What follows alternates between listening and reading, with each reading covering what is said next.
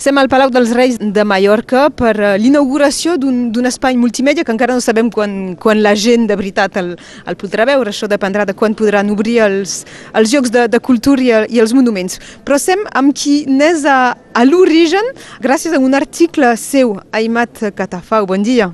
Bon dia, Laura. Ets un especialista de, de l'edat eh, mitjana i fa, fa, què? fa tres anys vas escriure un, un article parlant de, de com era el Palau en, a l'època esplendorosa. Sí, hi havia un tema que havia sigut escollit per la revista Patrimonis de la regió i que era els jardins eh, dels prínceps, dels reis, tot això. Jo vaig dir, bueno, hem fet molts estudis sobre el Palau, eh, havíem publicat dos llibres gruixuts amb el Passarius, d'un col·loqui que es va fer aquí, però una cosa que falta o que faltaria seria donar una idea només una idea de lo que podien ser els jardins i els espais eh, de natura, que no són tots jardins, hi ha cultures, hi ha vinyes, hi ha, hi ha un figueral, hi ha un bosc, i, i doncs eh, tot això apareix dins la documentació escrita. Tot això ha desaparegut per causa de la, de la, de la militarització de, del, del, del Palau al començament del segle XVI.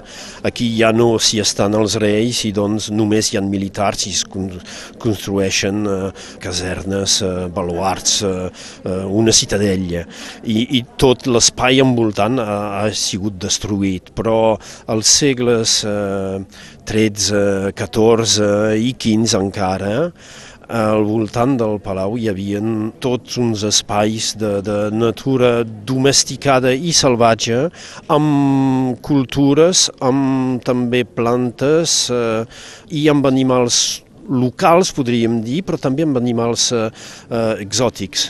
Com els lleons. Els lleons, una autruixa, un autrus, i eh, doncs eh, això era molt eh, conegut eh, punt per punt d'historiadors, però mai s'havia fet un recorregut total de, de, de la voltant, i doncs eh, això ho he escrit per aquesta revista, es, es deia Els jardins de paper. Arran d'aquest article, eh, quan és que us contacta el Consell Departamental per, per dir que li interessa concretitzar-ho en una de les sales. Fa, fa, fa una mica menys d'un any, penso que m'han dit, eh, estem discutint per veure com es podria utilitzar aquest article per presentar els jardins. I eh, han tingut l'idea de, de fer-ho de manera atractiu, de fer-ho de manera, de fer de manera visual i, i, i també amb, amb I sonora. So, I sonora, eh? i també amb so. I doncs de, de fer una, el que se'n diu una sala immersiva, una sala on quan entres eh, ets totalment agafat per lo que veus a les quatre parets i t'has de girar sempre. I, I hem passat ara 20 minuts, però hauríem pogut passar-hi 20 minuts més perquè cada cop no hem vist tot el que hi havia, tot el que es movia, tot lo, els animals, les plantes, les collites, els treballs dels camps.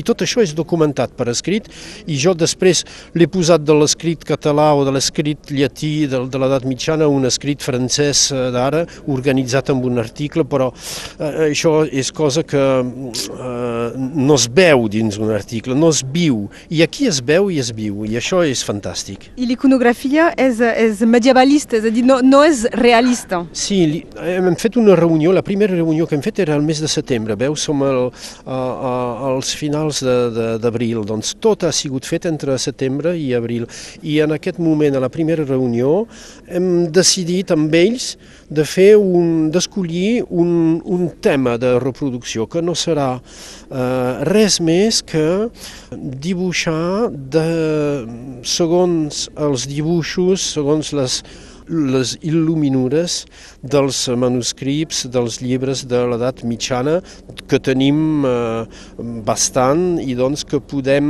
eh, reproduir, però els han reproduït, els han animat, Eh, hem, hem escollit eh, tant com era possible coses del nostre país, però també de, de, de les regions eh, properes, com iconografia que sigui també una iconografia que posa una mica certa distància amb la realitat. El que vol dir és una evocació de com eren els jardins als segles eh, 13, 14, 15. I doncs això es viu amb dibuixos inspirats per dibuixos dels segles XIV-XV. Doncs això és fantàstic. Per una, mi és fantàstic. Una cosa és parlar-ne i l'altra és veure-ho. Sí, com, sí, com, sí. com ho has viscut? Ah, jo, jo he, bueno, he seguit des del mes de setembre uh, uns ensaigs que ens enviaven per uh, ordinador, unes imatges, això ho veiem així, això que, que imagineu, ens podeu donar una imatge uh, per, per tal cosa o per tal altra.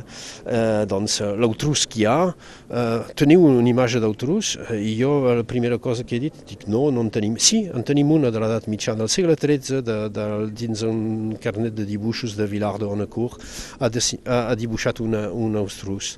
I doncs eh, els hi he enviat això i ells l'han posat en moviment eh, i, i doncs això ho he vist a poc a poc, però aquí no, entrant aquí és com si he descobert tot i he descobert eh, aquesta forta emoció, és eh, veritablement això és una és un moviment que toca el cervell ben segur, però que toca també el cor i que toca la, la sensibilitat. I això és molt fort, molt fort, és una experiència molt forta, molt interessant.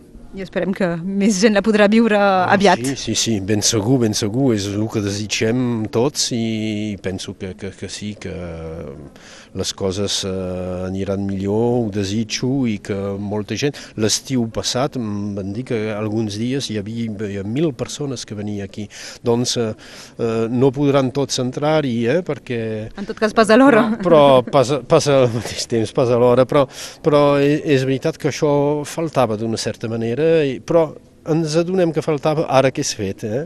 I, i, i ho trobo fantàstic, sí. Aima Catafau, moltes gràcies, fins aviat. Moltes gràcies a tu, Laura.